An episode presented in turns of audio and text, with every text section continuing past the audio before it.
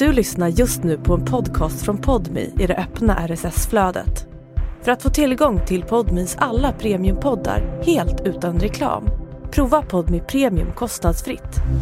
Ladda ner appen i App Store eller Google Play. Välkomna tillbaka till Sanningen måste fram. Sanningen. Vet du vad jag får för feeling nu? Jul och det vill inte jag känna. För nu är Men det sommaren li- slut Men, det, snart. men kände du inte lite, lite Tommy Körberg-vibe?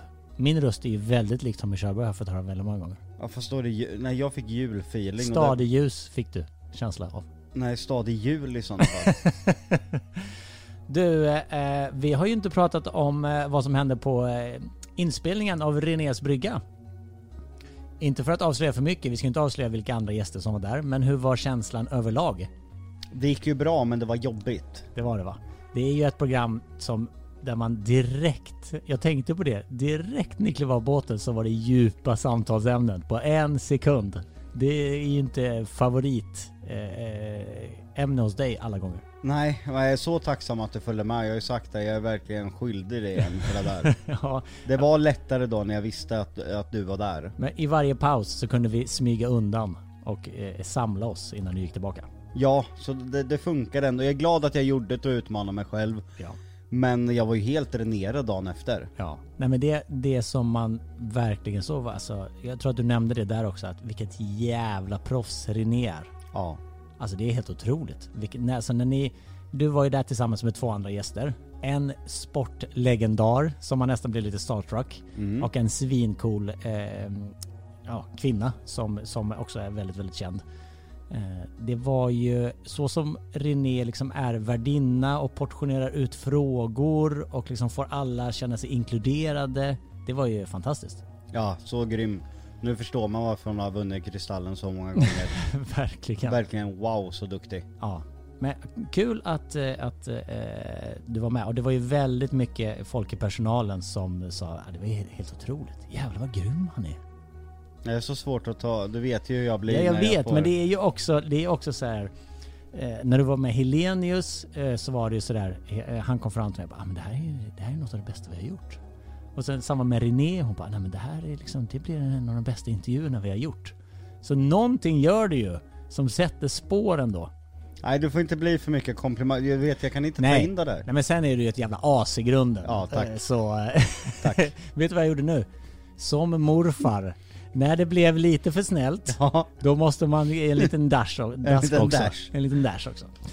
Vi tänker eh, kasta oss in i eh, sospapperna, ja avsnitt fyra. avsnitt 4. Så nu kickar vi igång!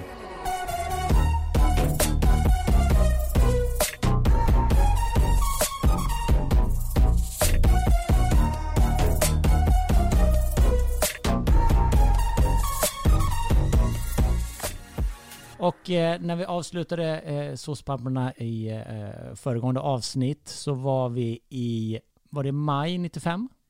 Japp. Ja. Och eh, du sa precis innan jag, jag tryckte på räck här att eh, nu blir det rock'n'roll. Så ta oss dit och eh, berätta vad du menar. Ja det här är ett jobbigt segment för att här kommer mormor och morfar bli eh, utsatta. Okej. Och Alltså de, för dem att vara de dåliga. ja. Både utav BUP, Mhm. socialförvaltningen och mamma som ligger på. Men de vill ju bara göra det som är bäst för mig. Mm. Men vi hoppar in i anteckningen då. Vilken, eh, var är vi någonstans nu? Jag har idag då, den 13 juni, slutat skolan. Sommarlov? Ja. Eh, mamma kom inte då, utan det var istället mormor och morfar som kom. Mm. Och det var ju på den tiden då man sjöng i kyrkan och eh, hade avslutning. Ja, Förmodar jag. precis. Min, eh, ser du det framför dig hur det stod där? Hade du en vit skjorta på dig kanske? Ett par shorts? Nej, eh, skjorta har jag nog aldrig ägt i den åldern. Det var nog någon, någon, någon t-shirt och shorts. T-shirt och shorts, ja. Och, Och så- kanske lite vattenkammat hår. Ja, det ser man ju ändå framför sig. Ja. Vattenkammad Jocke står där i kyrkan, tar ton. Var du blyg så att du stod längst bak tror du? Eller stod du längst fram? Nej men någonstans i mitten. Jag var inte för blyg och jag var inte för, för mycket att ta för mig. Nej. Men eh, då hade ju inte mamma varit där, utan det var mormor och morfar. Mm. Och då hade mamma sagt att eh, jag fick bara ta en fika med dem efteråt. Men mormor och morfar hade inte lyssnat på detta utan tagit med sig mig till dem i Vadstena. Okej, så din mamma hade liksom på något sätt stipulerat reglerna att sådär, eh, men jag tror att mormor och morfar hade frågat henne om lov då för att komma till avslutningen eller åkte de bara dit? Eller hur, hur, hur, hur funkar den dialogen? Nej, de hade frågat om lov och då fått eh, eh, lov att eh, fika med mig efter skolavslutning med att de skulle lämna mig direkt efter hos Margot och Roine. Mm. Men då hade morfar och mormor kört mig till Vadstena hem till dem istället. Mm, Tagit eget initiativ. Ja, Mm. Och det eh, föll inte ut väl hos din mamma eller? nej. Berätta vad som står då. Eh, nej men hon, hon eh, hade kontaktat socialförvaltningen och sagt att de inte hade lov till det här och att allting måste gå genom henne. Okej, så hon hade reagerat ganska starkt på att de hade kidnappat dig hem då till Vadstena, eller vadå? Ja hon får ju det att låta på det sättet. ja verkligen. På ungefär på samma sätt som hon sa att jag hade slagit henne, men Margot sa att jag hade lekt och slagit ut armen. Ja. Men jag blir också så här. kan inte du inte komma på din sons skolavslutning som förälder? Mm. Så vad fan har du för privilegier att sätta gränser för vad morföräldrarna får göra då? Exakt. Kan du inte bara vara tacksam att någon annan faktiskt ställde upp och kom på skolavslutningen Ja. som att ett barn slapp vara ensamt där? Exakt, för jag kan tänka mig, eh, runt om alla andra barn så var det ju förmodligen deras föräldrar, kanske något syskon, kanske några morföräldrar, farföräldrar eh, som liksom var där för att fira. Om inte de hade fått komma så hade ju du stått där helt själv. Ja, och det är ju det här, det här är ju ett av mina trauman. Där minns jag jättetydligt i huvudet alla ensamma skolavslutningar. Mm. Eh, och sedan så hade jag varit hemma en natt eh, under pingsthelgen, eh, berättade mamma i det här samtalet när hon då klagade på mormor och morfar. Okej, så det här är anteckningar från ett samtal. Din mamma ringer till, till eh, socialförvaltningen och säger så här. Morföräldrarna har olovligen tagit Joakim hem. Det vill jag inte att de ska göra. Och så klagar hon på något mer. Ja, att jag hade varit på ett besök då, jag hade sovit en natt under pingsthelgen hos henne. Och detta fungerar ju inte så bra. Jag rev runt. Fan, vad, bety- vad betyder ens river, rev runt? Jag vet inte. Hur ofta river dina barn runt? Hela tiden. De river ut grejer man får riva in varje dag. Det är så föräldralivet ser ut. Det gör väl dina barn också? Ja, då, jävlar vad de river Ja, runt. de plockar fram saker. Ja, det gör de och sen får verkligen. man jaga dem så att de plockar in dem. Ja, och det är, då kanske de plockar upp en grej så får Ja. man själv bära upp allt. Precis, man, man måste ju vara med hela tiden när de plockar in, för annars plockar de ju inte in. Om du skulle skicka bort eh, Lunis och eh, Lionel varje gång de rev runt, hur många gånger skulle du behöva skicka bort dem på en dag då? Varje dag. Varje Flera dag, gånger flera varje dagar. dag. Ja. Nej men det, det här gör mig ju ledsen alltså. Ja. Man bara, jag har varit hemma en gång, Mm. och då rev jag runt igen. Det var ju förra avsnittet också, då blev jag hämtad Ja. för att jag rev runt. Ja. Ja, hon, har, hon har emot folk som river runt din eh, biologiska mamma, det måste man ju ändå säga. Ja, och då undrar jag, vad, vad är det du har i skåpen? Ja, men det, det är ju faktiskt en intressant tanke. Tror du att det är någonting som du var på spåren? Alltså, liksom, inte vet jag, var det gömda spritflaskor, var det gömda pillerburkar, var det gömd Ja, det är också- narkotika, var det liksom gömda saker som... För jag menar, när man, när man var liten, det minns ju jag själv, om jag var liten och kom hem till mormor och morfar eller farmor och farfar, då kunde det vara lite spännande att kolla i skåpen och liksom bara, vad har de här? Så hade de lite, lite silverbestick och så låtsades man att det var en skatt. Eh, eller, alltså, eller hittade gamla fotoalbum som man kollade i.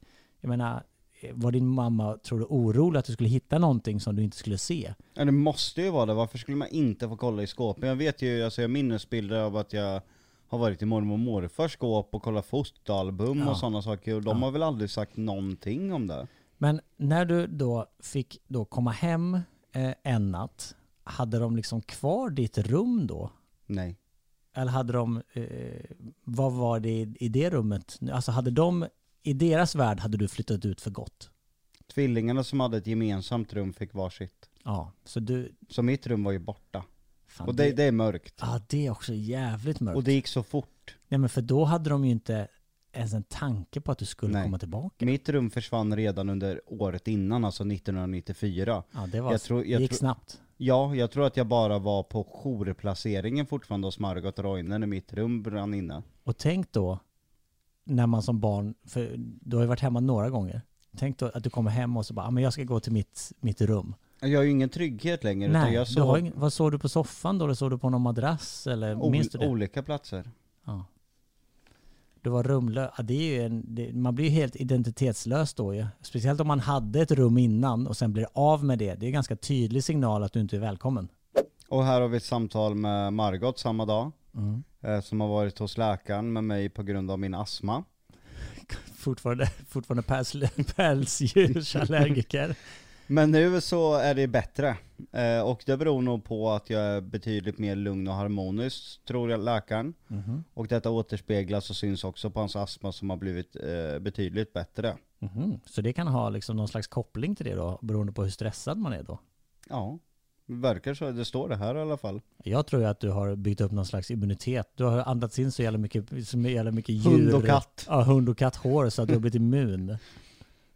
Eh, och eh, de har ett sista eh, besök före sommaren då med Hans eh, och Hans är um, orolig för kontakten med mormor och morfar. Den upplever han som eh, problematisk. Eh, för igår kväll enligt Margot så hade morfar ringt och talat med mig om en Ölandsresa. Som jag skulle få eh, följa med på. Margot ringde då upp Annika, min mamma då, och frågade hur hon ställde sig till det. Eh, mamma vart arg då och eh, den blåstes av. Fan, jag minns det att jag åkte på resor med min, min eh, mormor och morfar och farmor och farfar och hur mysigt det var. För det var ju liksom, ja men du vet, om jag åker med föräldrarna, de kanske stressar, de kanske fixar. Liksom, när man var med mormor och morfar och farmor och farfar så var det liksom så här fullt fokus på barnbarnen. För jag menar, de kanske inte jobbade längre eller de kanske liksom är pensionärer och det, det finns ett annat lugn kanske hos dem. Så jag minns ju mina resor med mina morföräldrar som, som, och farföräldrar väldigt fint ju. Men det, det ville inte din mamma att du skulle ge dig ut på. Nej, och jag förstår ju varför socialförvaltningen och BUP tycker att det blir problematiskt om mormor och morfar göra på det här sättet. Men jag förstår ju också jättemycket mormor och morfar att de vill ju bara ge mig fina minnen och att jag får göra någonting. De vet att mamma inte dyker upp på skolavslutningarna. De vet att mamma inte planerar att åka på någon Ölandsresa. Nej, precis. De vill ju bara göra att jag får komma iväg på någonting och spendera tid med mig. Ja. Men minns du, har du något minne av hur din mormor och morfar var mot dina syskon? Åkte de på någon Ölandsresa till exempel med dem? Eller singlade de ut dig för att de kände att, att eh, här måste vi steppa in? Ja, jag tror det. De var betydligt mer, inte kalla men alltså mer standard mormor och morfar mot alla andra barnbarn. Ja. Men de kände att eh, Jocke lider så, så pass mycket av avsaknaden från sin moders kärlek så här måste vi eh, hjälpa till. Ja, jag tror ju det var så. Men jag förstår inte riktigt varför då eh, Hans tyckte att, den, att det var så problematiskt. Hade, hade, din, de hade hade, din mamma på... de hade frågat mig direkt, alltså morfar hade ringt till mig och frågat Okej, om en ja. Ölandsresa direkt och tagit det med barnet. Det är ju dumt. Det är jättedumt, men jag Mm. vet ju också att han gått till mamma så hade resan brunnit inne där redan innan den ens hade liksom kommit på tal. Rätta så- vä- precis. Hade jag varit din morfar här så hade jag väl försökt ringa till Hans eller till BUP eller till SOS och bara säga vi skulle jättegärna vilja, vi känner att Jocke behöver komma iväg, vi känner att vi skulle vilja ta med Jocke på en resa. Kan ni hjälpa oss med det? För hos din mamma tog det ju stopp direkt. Mormor och morfar var socialhatande och BUP-hatande.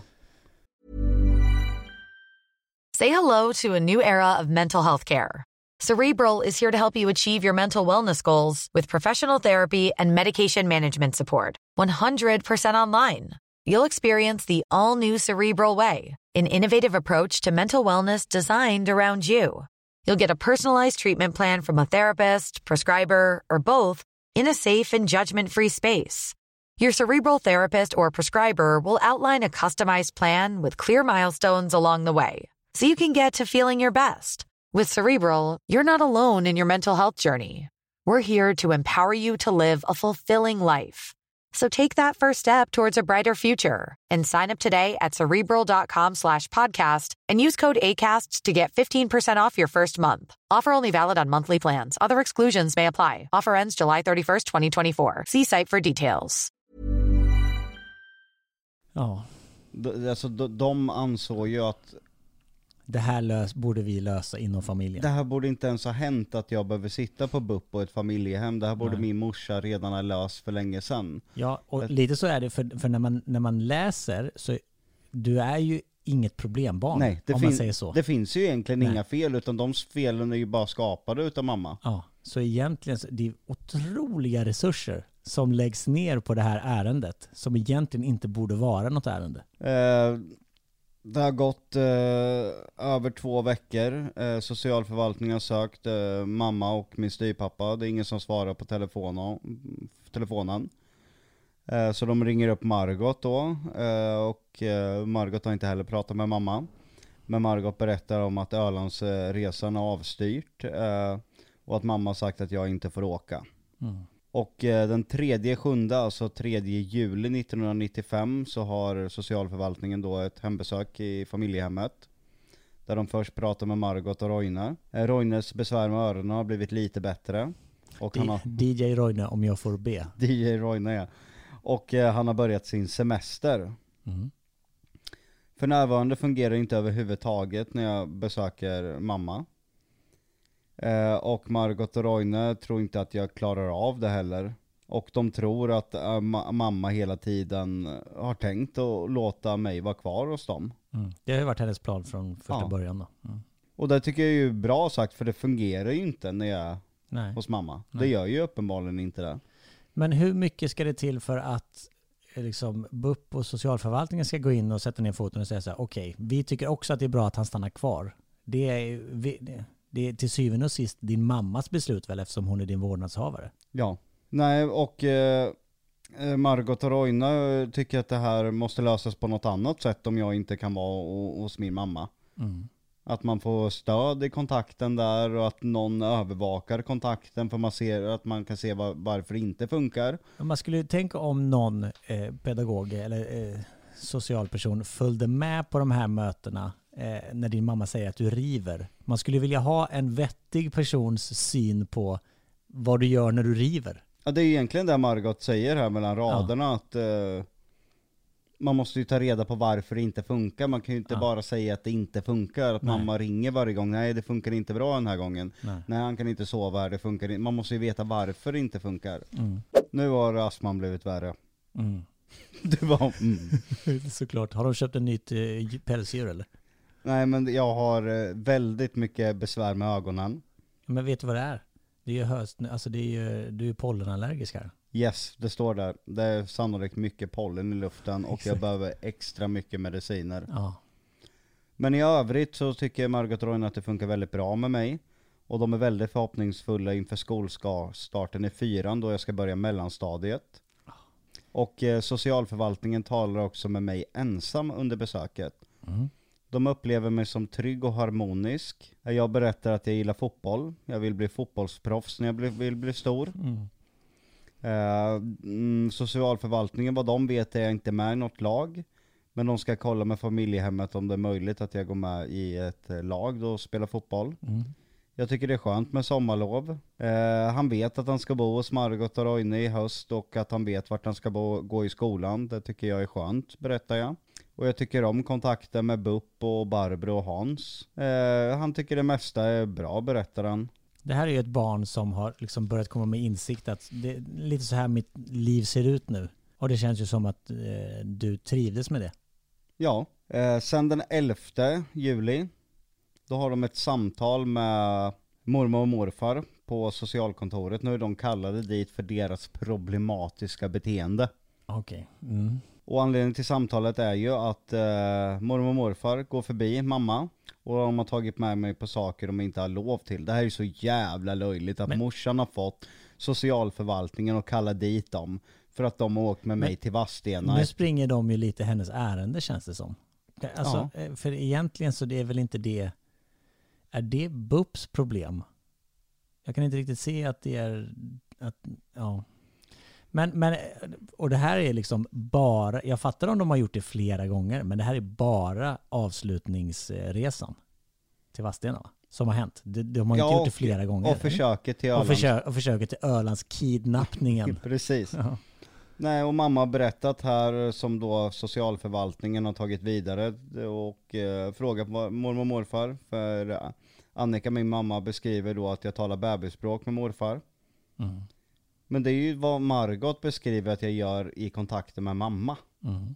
Så du pratar bebisspråk, eller din mamma säger att du pratar bebisspråk med morfar? Ja. Mm. Men Margot säger att jag pratade med mamma. Exakt. Så Men, hade men hon... mamma vart ju aldrig konfron- konfronterad av socialförvaltningen när Margot sa det. Margot har ju sagt så mycket saker de här sidorna vi har läst. Men mamma aldrig blivit konfronterad ett enda ord. Nej. Sen varenda sak mamma säger till socialförvaltningen, då sitter alltså mormor och morfar där nere och blir konfronterade. Ja. Varför pratar du bebisspråk med Joakim? Så har Ja. de ställt frågan då? Ja. Och att de informerar och att eh, jag behöver lugn och ro i familjehemmet. Eh, Men då är det som att de stör det. ja, lite, lite så. Och eh, de frågar om eh, övergreppet. Morfarövergreppet? Ja. Oj, det är första gången. För det vågade de inte fråga på förra mötet ju. Eh, mormor och morfar säger att de inte vet, jag kan varit utsatt för något övergrepp, alltså det är omöjligt att... Okej, för att det här är övergreppet på, på, för, alltså på fritids. ett generellt övergrepp, inte just fritids. Alltså Nej. ett generellt övergrepp. För det här är första gången de börjar, för de har ju fortfarande inte konfronterat din morfar med det din mamma har sagt. Nej. Men de inte har, vad vi har läst i papperna i alla fall. Nej, och de har inte heller frågat generellt om ett övergrepp tidigare heller, utan bara Nej. vad har hänt med mig? Exakt.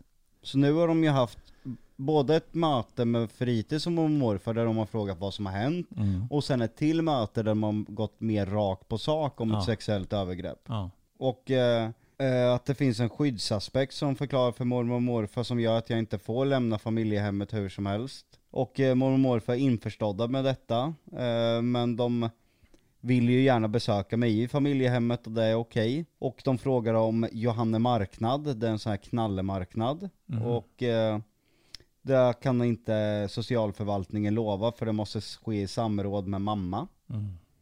Fan vilken makt hon hade Ja, som verkligen. vårdnadshavare. Och det är ju såklart i de flesta fall bra. Eh, det, eh, det ska man ju inte sticka under stol med. Men i det här fallet så är det ju inte bra. Mamma ringer dagen efter deras möte där nere och vill veta vad det är som har sagts på mötet. Okej, Eh, och, och eh, låt mig då notera att de inte hade fått tag på henne på flera veckor. Ja. För att hennes telefon, är, de har inte lyft luren. Men här måste hon ju få, ha vetat att de hade ett möte med mormor och morfar. Och dagen efter ringer hon och vill veta vad som har blivit sagt. Det Ja. är ju kontrollbehov över informationsflödet. Ja, för vi har så många punkter som jag inte ens har läst som står emellan. Sökt Annika på telefon, inget svar. Ja. Och eh, där uppe sökt Annika under en längre tid, inget svar. Men nu dagen efter mötet med mormor och morfar, då hör hon av sig. Ja. Och undrar för att de verkar arga på henne. Ja, det är inte så konstigt. Det är ju för att de sätter, hon sätter ju stopp över deras eh, eh, interaktion med dig helt enkelt.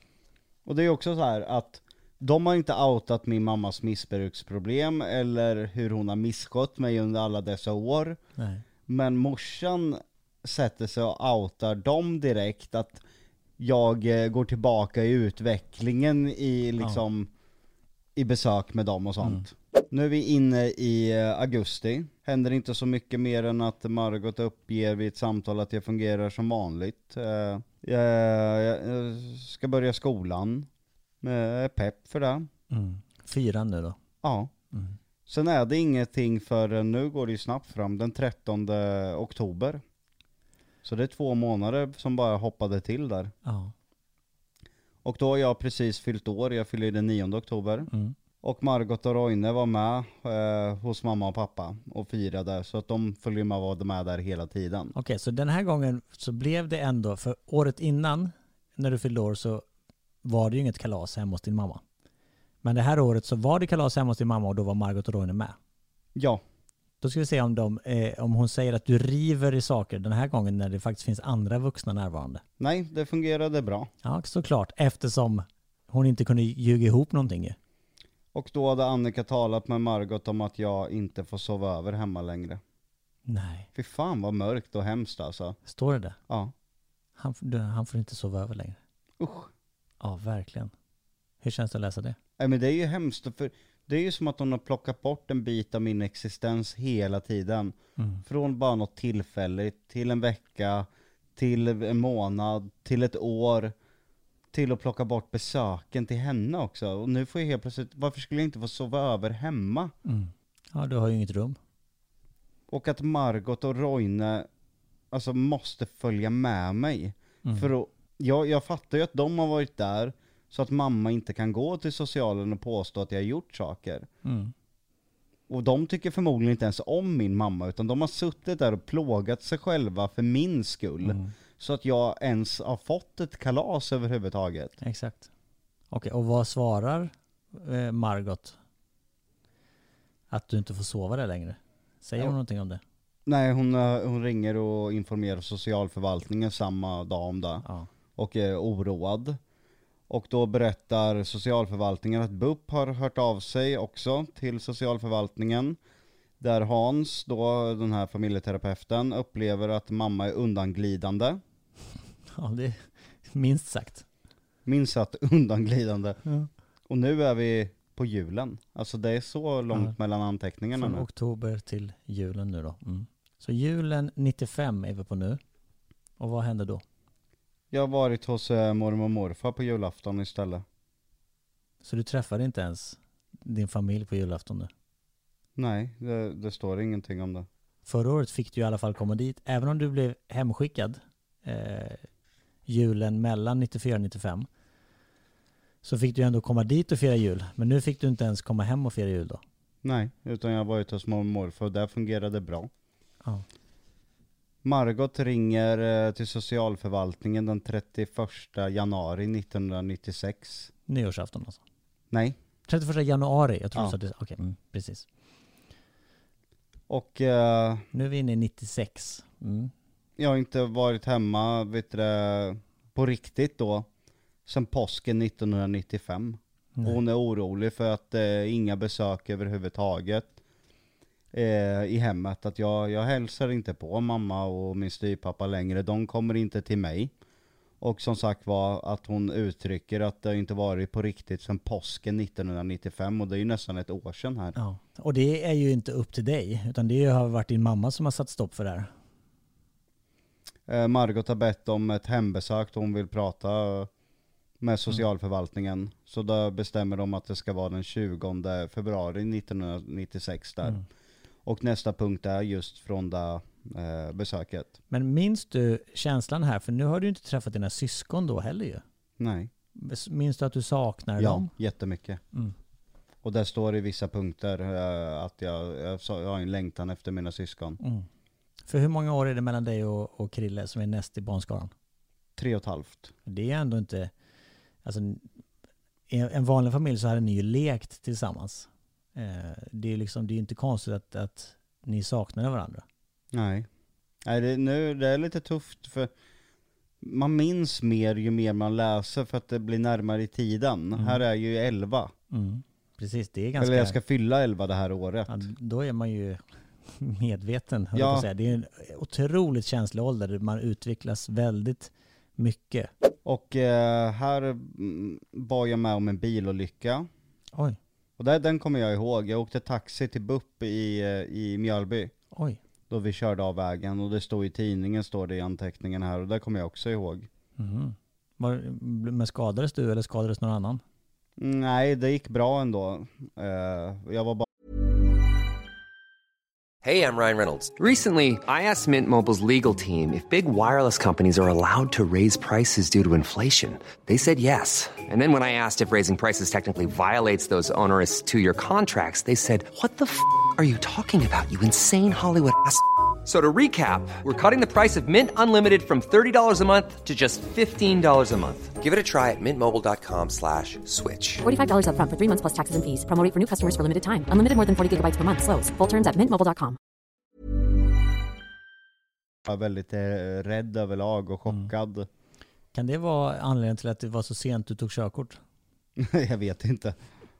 Okej, Eh, vad, vad står det i det här? Eh, För nu har Margot har begärt ett hembesök.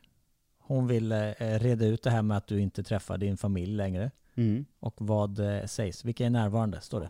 Nej det är bara Margot och sen socialförvaltningen. Då berättar de först om den här olyck, bilolyckan jag varit med om och bara informerar om att det har hänt men att jag mår bra. Mm. Margot berättar vidare att jag har varit nu ganska exakt två år i familjehemmet. Det skulle vara två veckor, mind you, till Ja. en början. Sen är vi inne på två år. Mm. Hon är lite orolig med den fortsatta tidsplaneringen då hon inte har hört någonting. Och eh, socialförvaltningen eh, överenskommer med Margot då att de ska diskutera det här med mamma och min styvpappa. Men Margot tror och hoppas att jag kommer vara kvar hos dem under en lång tid, om det är okej för min mamma. Mm. Här har ju hon, hon har ju börjat älska dig här, på Ja. riktigt. Hon ser ju dig förmodligen som ett av sina barn nu. Eh, Margot berättar att hon hade bett eh, min mamma för några veckor sedan att tala med mig om min placering och vart jag ska vara så att jag vet framtiden. Eh, mamma orkar inte göra detta dock. Nej. Det är ju hemskt alltså. Ja, verkligen. Det finns ju ingenting hon har orkat. Nej. Nej men det, hems det hemska är ju att jag hade ju haft en helt annan förståelse om det här var en kvinna som hon, hon, det är ju sel, hennes ork är ju selektiv. För hon Ja. orkar ju uppenbarligen ta hand om sina tre andra barn. Ja, det är ju väldigt vart hon bestämmer vad, vad hon orkar och i, inte orkar som du säger. Ja, det är ju bara saker rörande dig som hon inte orkar. Ja, jag fungerar bra med klasskamraterna i skolan, jag är väldigt disträv. Och jag har svårt att hålla reda på saker och, och ting. Och eh, jag vet inte riktigt vart jag har läxorna och alla papper och pennor. Och det känner jag igen fortfarande än idag. Ja men det har ju förmodligen med eventuellt dina diagnoser att göra. Ja, men sen, 100. Ja, men sen också, jag menar barn är ju överlag kanske lite slarviga. Så det, du, du, det som beskrivs här i pappren är, är ju en helt vanlig kille. Ja, egentligen. Och sen har de pratat lite med mig under den här träffen också. Jag beskrivs som lugn men ändå lite allvarsam. Och jag pratar om hur jag har det i mitt liv och jag Mm. verkar må bra överlag. Mm. Och det är alltså den eh, 20 februari där. Sen är nästa stora notering i juni, den 11. Oj jävlar. Det är Frå- fyra, från när vi började-. De första papperna där det kanske var två dagar Ja, på ett papper till att det nu var fyra månader ja. mellan en notering. Men jag tycker det är så konstigt att det bara liksom fortgår, att det tar så lång tid med... Och det är ju liksom din mamma då som egentligen vägrar ta ett beslut om hur det ska gå. Eller? Ja. För om hon hade bestämt, hade hon makten att säga så här, ja, jag godkänner att Jocke stannar på heltid hos Margot och Roine, eller ja, han får komma hem. Det är ju egentligen bara hon som kan säga det väl? Ja det är ju bara hon som kan säga det. Ja. För Margot får ju inte säga någonting till mig och det är därför hon ringer mamma och säger nu får du berätta för din son Ja, så att han vet hur hans framtid ser ut. För att han blir orolig, han frågar mig flera gånger. ja precis. Hon gör ju... Eh, det hade varit lockande att göra som mormor och morfar gjorde, att liksom ringa och prata med dig direkt. Men Margot är ju ett proffs. Hon vet ju det. Hon har ju haft med fosterbarn att göra Ja. innan. Hon vet ju det. Jag kan inte prata med barnen om deras... Det måste deras målsmän göra liksom. Anledningen till eh, den här noteringen då den eh, 11 juni är att Margot har hört av sig till socialförvaltningen. Jag hade för första gången varit hemma på väldigt lång tid. Enligt Annika så är detta besök spårat ur. Skräll. Men då var det ingen annan vuxen pe- person med, eller hur? Nej. Nej. Så det är ju ett ganska tydligt mönster att varje gång du är hemma själv så spårar det ur. Men varje gång eh, socialförvaltningen eller Margot Roine är med så går det hur bra som helst. Det är så vaga, rev runt, spårade ur. Ja. Vad betyder de här sakerna? Men står, står det ingen förklaring för Ringer socialförvaltningen din mamma och liksom Nej. nystar i det här? Nej, det menar- f- finns ju ingen notering att de har kollat upp varför. Nej, vad, vad som liksom. Nej. Men jag menar, det är också väldigt tydligt att eh, alla de här noteringarna är ju någonting som Margot har, eh, har liksom tagit upp. Hade Margot inte hört av sig så hade det ju i princip, då hade ju ingen hört av sig. Nej, då hade ju ingen... Då hade det varit nej. helt tyst. Då har det varit verkligen helt tyst. Eh, samtidigt så berättar Margot eh, vidare, förutom att det hade spårat ur hos eh, mamma där enligt henne, att jag också har blivit väldigt rädd överlag. Jag pratar väldigt mycket om att de döda kan komma och skada mig. Oj. Men här, är det här tror du, för nu har du ändå bott hos Margot Roine i två år, så jag förmodar att du inte har blivit utsatt för de här skräckfilmerna. Nej men vi hade varit på en teater vid domkyrkan. Med skolan eller? Ja, och eh, Där hade de... jag har sett mycket skräckfilmer med kyrkor, så jag tror att någonting har aktiverats. Och domkyrkan i Linköping är ju inte en skolavslutningskyrka, Nej. utan den är ju, det är ju en ganska läskig Det är kyrka. en djurkyrkogårdskyrka. Ja men det är ju en stor sån här skräckfilms, eh, exorcisten-kyrka. Ja. Det är ju ingen mysig eh, kyrka som i Ödeshög där det bor 6000 människor, utan det är ju en domkyrka. Mm. Så jag hade blivit rädd när vi hade haft studiebesök på domkyrkan. Och efter det så har jag varit extremt orolig då och eh, pratat att de döda kan komma och skada honom. Och det är ju trauma sen alla filmer som aktiverats. Ja, men jag skulle precis säga det. Tror du det att, för du har ju liksom de här skräckfilms eh, minnena som ligger liksom latent hela tiden i ditt bakhuvud och sen så kommer små triggers hela tiden som gör att det minnet aktiveras. Tror du att, kan det vara så eller? Ja, jag tror det är så. Mm. Margot berättar även, de pratar ju om det här varför det inte funkar hemma hos min mamma enligt henne. Och då tror de att eh, i sådana fall är det ju för att jag gör dumma saker medvetet för att provocera när jag är hemma hos mamma, tror Margot i sådana fall. Så där sticker ju hon in lite också att det är något, varför skulle ett barn behöva provocera? Mm. Finns det liksom no, något, eh, Men- någon schism mellan mamman och sonen? Ja, precis. Men det var ändå, jag blev lite förvånad över Margot där, att hon ändå lägger skulden på dig.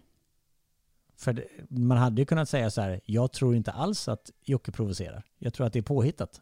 Hon försöker väl, tror jag i alla fall, att mer påtala varför skulle han provocera? Varför provocerar han?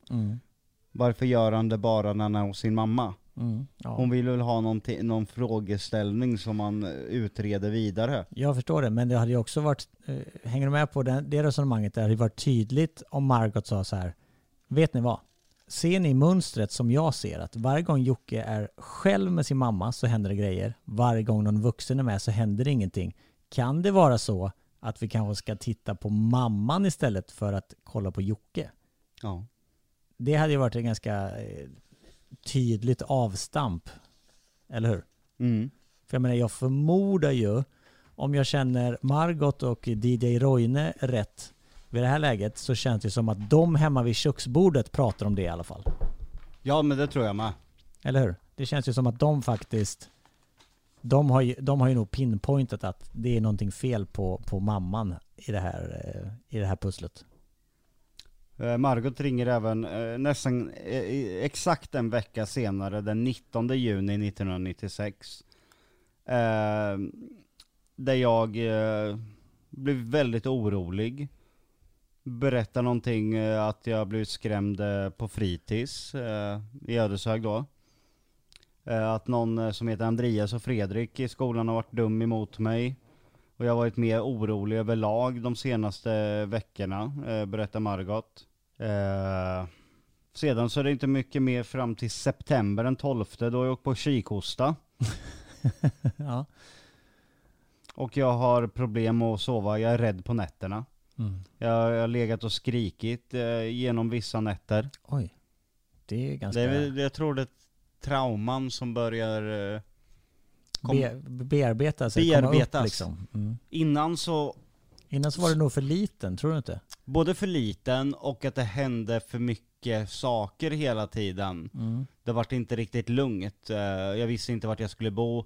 Nu vet jag att eh, jag ska bo hos Margot Roine. Jag, det står att jag fått veta att jag ska vara där minst två år till. Så det är ju ganska långt fram jag får Oj. veta. Så ett sånt stort beslut har kommit, men Mm. det, har liksom, det är bara en liten notering. Ja. Joakim ska bo här i två år och det är liksom bara sådär, fan det känns ju märkligt ändå. Känns Ja. inte det som att det är ett ganska stort ingrepp i ett barns liv? Att nu ska han stanna här i två år. Det, det, det måste ju ha föranletts av någon slags eh, beslut. ja, det är mamma som eh, ville för att jag inte kan flytta hem. Det fungerar inte, säger hon. Och då köper de bara det. Ja, uppenbarligen. Här, Så, så jag tror ju att innan så har det ju hänt så mycket saker hela tiden och det är ju både som du säger och säkert med åldern att göra att man blir äldre. Men det säger sig självt att ett barn ligger ju inte och skriker och gråter genom hela nätterna. men kan det ha varit så att att det beteendet kom i, i, i beslutet, eller beslutet kom att du skulle stanna där i två år och då aktiverade det det här beteendet. Det kan, så kan det också ha varit. För jag menar det är ett ganska, när de sa det till dig, bara vet du vad, du ska stanna här i två år till, då kanske det är så här, okej två år? Får jag inte träffa mina syskon på två år? Får jag inte göra det här? Alltså det är ju, även om du trivdes hos Margot och Roine, så visste du ju att det kanske inte var det normala att du bodde hos en fosterfamilj. Det normala, precis som dina klasskamrater och dina vänner, är ju att bo hemma.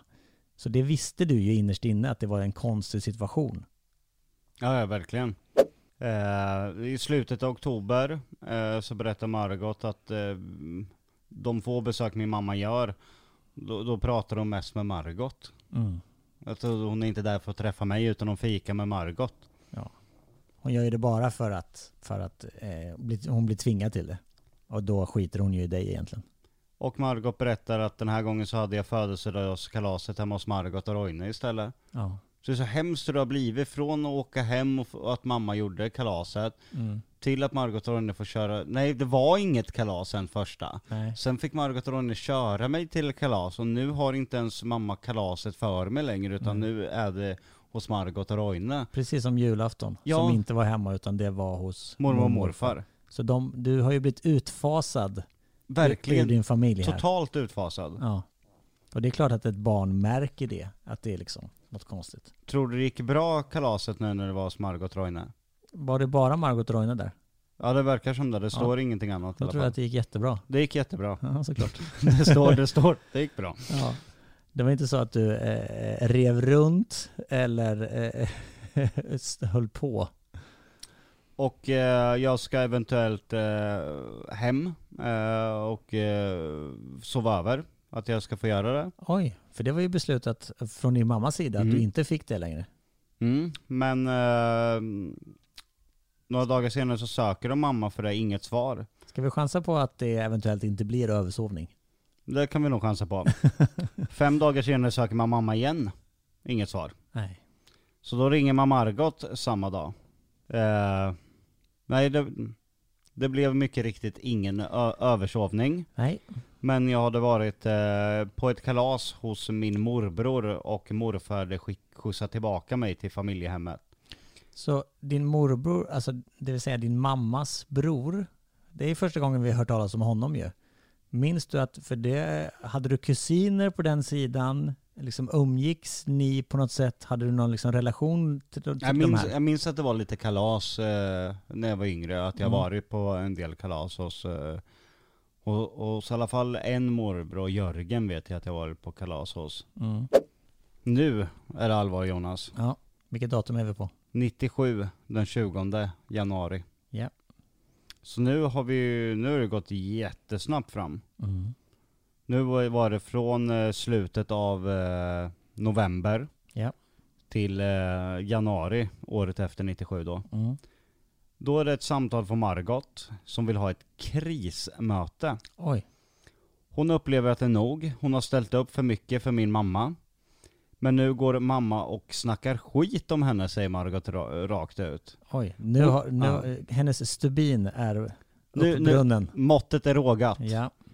Margot känner sig otroligt kränkt utav detta, så mycket hon har ställt upp för min mamma och det har hon ju liksom Alltså- haft tålamod och hjälpt till och Med tanke på att eh, i princip varje punkt i de här protokollen och anteckningarna är ju Margot som är initierat så har ju hon är den enda egentligen som har kämpat för dig. Ja, ja verkligen. Nej, den här, nu kan det bli Red Wedding. Ja, nu det. Okej, så hon vill ha krismöte. Mm. Vad säger eh, SOS då? Ja, De ska försöka få till en tid och att Hans, eh, Hans är med. Det är bra. Det är bra att Hans är med. Mm. Och eh, här har de då eh, den 30, tio dagar senare, 30 januari 1997, en träff med Margot och Roine Mm. och Hans på BUP. Så mamma är inte med. Nej, såklart. Jag var hemma den 15. Jag blev då hämtad utav min mamma vid skolan. Mhm. Eh, jag mår inte bra överhuvudtaget utav besöket hemma. Eh, jag blev pressad av mamma och allt prat eh, kring mig. Att Margot är dålig och sådana saker. Oj, så när din mamma... Okej, här, det här är ju ett brytande av mönster. För hittills har ju din mamma inte velat i princip ha med dig att göra alls. Nej. Här åker hon självmant, hämtar dig vid skolan. Och snackar skit om Margot. Det är ju hennes baktanke. Ja. Hon, där- har, ju, hon har ju någonting i kikan här. Nu börjar det bli intensivt. Verkligen. Sedan då, eh, så jag, jag är med på det här samtalet, eh, den här träffen då på BUP eh, med Margot Roine och Hans. Ja, och, du är med där i rummet. Och, ja, socialförvaltning. Inte i rummet då, utan jag är i ett, eh, i ett rum bredvid. Separat rum. Mm. Men eh, Hans har ett samtal med mig också. Och det här är ledsamt. Då berättar jag för, hon, för honom att eh, jag mår inte bra utav när mamma sitter och pratar om Margot och Roine på ett Mm. dåligt sätt. Eh, jag är väldigt trött på pratet och jag börjar förstå anledningen till varför jag är placerad säger jag. Oj. Jag Tänk, vet- fan du är ändå liten. Även om när man är 11 är man Ja. inte stor alltså. Jag vet att det här beror på att mamma inte orkar med mig. Det säger jag rakt ut där. Ja. Det är fan så jävla hemskt. ja. Där, var- då har jag gett upp där bara. ja. Nej men jag är kvar, jag vill vara kvar hos Margot och Roine för jag förstår nu att mamma orkar inte med mig. Mm. Mamma tycker inte om mig.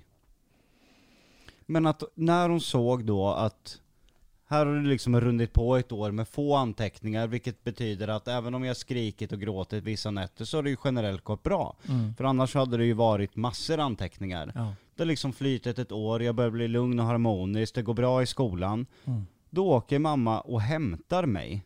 Men det är ju... Vid skolan till och med. Hon Ja. har hämtat mig vid skolan, alltså hon har bara åkt och hämtat mig. Men det är det jag tycker är lite konstigt för Hon har ju aldrig hämtat mig i skolan Nej, någonsin. men det är det jag menar att liksom hennes, om hennes mål med det här var att bli av med dig så hade hon ju chansen här.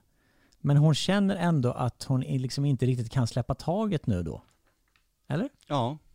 Det är Ja, då- det som är så konstigt. Hon har tappat kontrollen över, äm, Ja. över mig, som jag tidigare sa. Mm. Jag, jag berättar för Hans att jag inte tycker man ska prata om någon som inte finns med. Klok 11-åring. Helvete vad klokt. Det är ju inte många vuxna som går efter den devisen. Att man ska inte snacka skit om, om folk som inte är med i rummet. Och då har ju du liksom, då har din mamma suttit och liksom spytt galla över Margot och Roine. Och du måste ju varit superobekväm då. Eller Ja. hur? Det måste varit jättejobbigt för dig. För jag menar, Margot Roine var ju vid det här tillfället din trygghet. Det bekräftas utav alla parter att Annika då, min mamma, pratar ofta illa om andra. Hon behöver ändra sättet gentemot Joakim och därför Joakims bästa. Eh, De kommer fram till att det bästa för Joakim kan vara att för närvarande träffa enbart mamma hos Margot Roine och att han inte ska lämna familjehemmet. Här har ju någons, någonting ändrats. Nu Ja. är det inte längre jag som utreds som problemet, Nej. utan här här gör ju de, de någonting de egentligen... De gör De- en de korrekt får- bedömning här. Ja, fast de får egentligen inte, för mamma kan direkt säga att alla besök är hos mig, Mm. eh, samtalen med Hans får inte vara längre, Nej. Margot och Roine ska ringa och dubbelkolla allt med mig. Utan här, gör ju de någonting bakom kulisserna med Margot och Roine, försöker sätta Mm. upp en plan utan mamma. Men det som det gör ont i mitt hjärta är ju att vi är inne i 97 här. Ja, Du blev placerad 94. tre år senare. Mm. Jag ska fylla 12 år det här året. Mm. De får tag i mamma sen. Eh, Det samtalet hade man ju velat höra.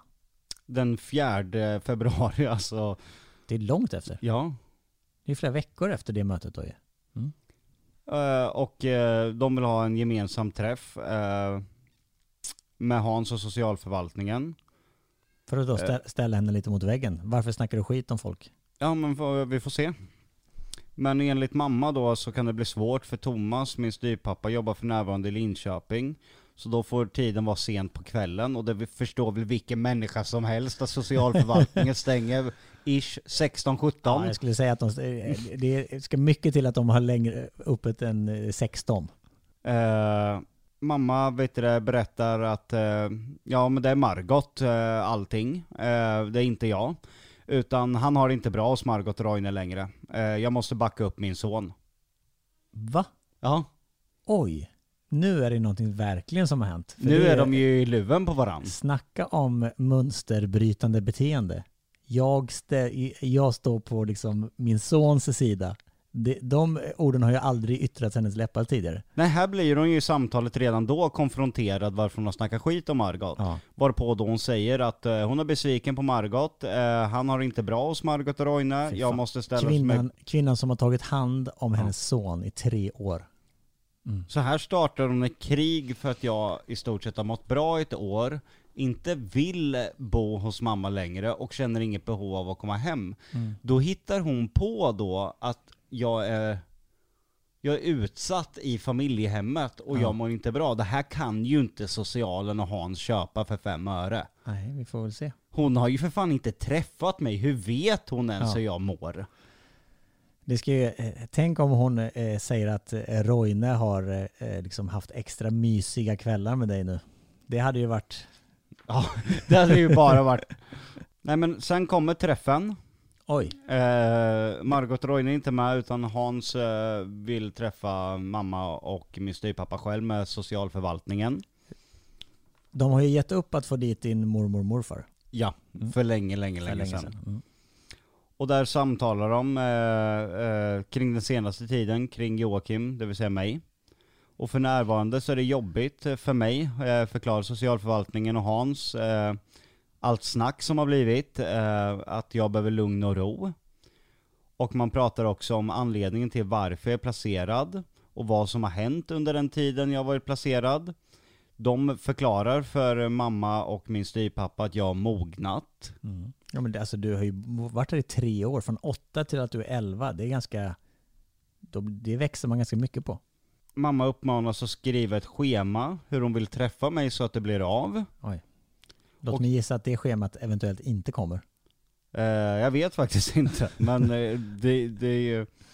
Du har förmodligen rätt. Och detta ska sändas då till socialförvaltningen och schemat ska täcka två månader framåt så att jag vet när och var jag träffar mamma. Eh, mamma berättar att hon inte vill träffa mig själv utan vill ha med sig de andra barnen när hon besöker mig. Men ingen annan vuxen. Nej, Det är viktigt. Ingen annan vuxen än. Eh, fjärde eh, mars, eh, det vill säga ungefär en månad efter det här samtalet på socialkontoret med mamma och min styvpappa, så har Annika, min mamma då, fortfarande inte lämnat in något schema. Va? Vilken skräll. Eh, hon uppger att hon har kommit överens med Margot att det inte behövdes eh, något. Eh, socialförvaltningen ställer sig väldigt tveksam till detta. Ja. Nu finns det ju ändå ganska många frågetecken emot henne. Det är, hon singlar ju inte bara förbi som hon gjorde innan. Att, hon, Nej, verkligen. att hon kunde skicka socialförvaltningen till eh, fritids, till mormor och Exakt. morfar och sända ut narrativ. Utan här, nu är ju alla ytterst tveksamma till hennes uttalande nästan varje gång. Mm. De har haft eh, samtal med Margot då, eh, samma dag. Så de ringde väl... De ringde direkt och, och liksom frågade bara, stämmer verkligen det här som Annika säger? Precis. Eh, och Margot berättar att eh, de har vet handledning med, med Hans eh, och att Hans har träffat Joakim ensam. Och att Annika tog hem honom den 20 i andra.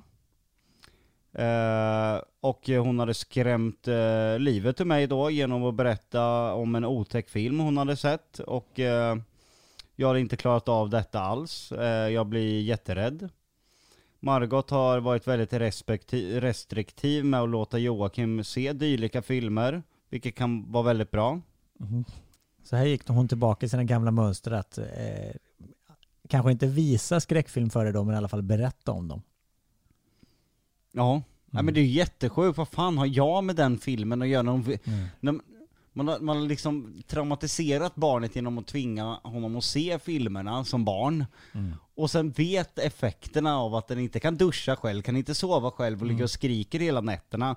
Bara, nej men jag plockar med, enda gången jag träffar honom, nej men då ska jag psykiskt misshandla honom genom att berätta om en otäck film jag har sett. Och Margot berättar att hon har inte samtyckt att eh, ett schema Där kom det. Där kom det. Hon har inte gått med på att det inte behövs något schema. Nej. Nej, utan Mar- eller enligt Margot har mamma bara ringt till henne och sagt jag vill inte göra något schema. Ja, såklart. Okej, vi är alltså inne i 97. Har du någon känsla över, för nu känns det ju som att det har börjat gro lite, eh, eller ganska mycket missnöje mellan Margot och din mamma. De bråkar ju öppet här på ett sätt som de inte har gjort innan. Ja, och i nästa del, då kommer min pappa in i bilden. Oj. Första Spännande. mötena med min pappa. Ja.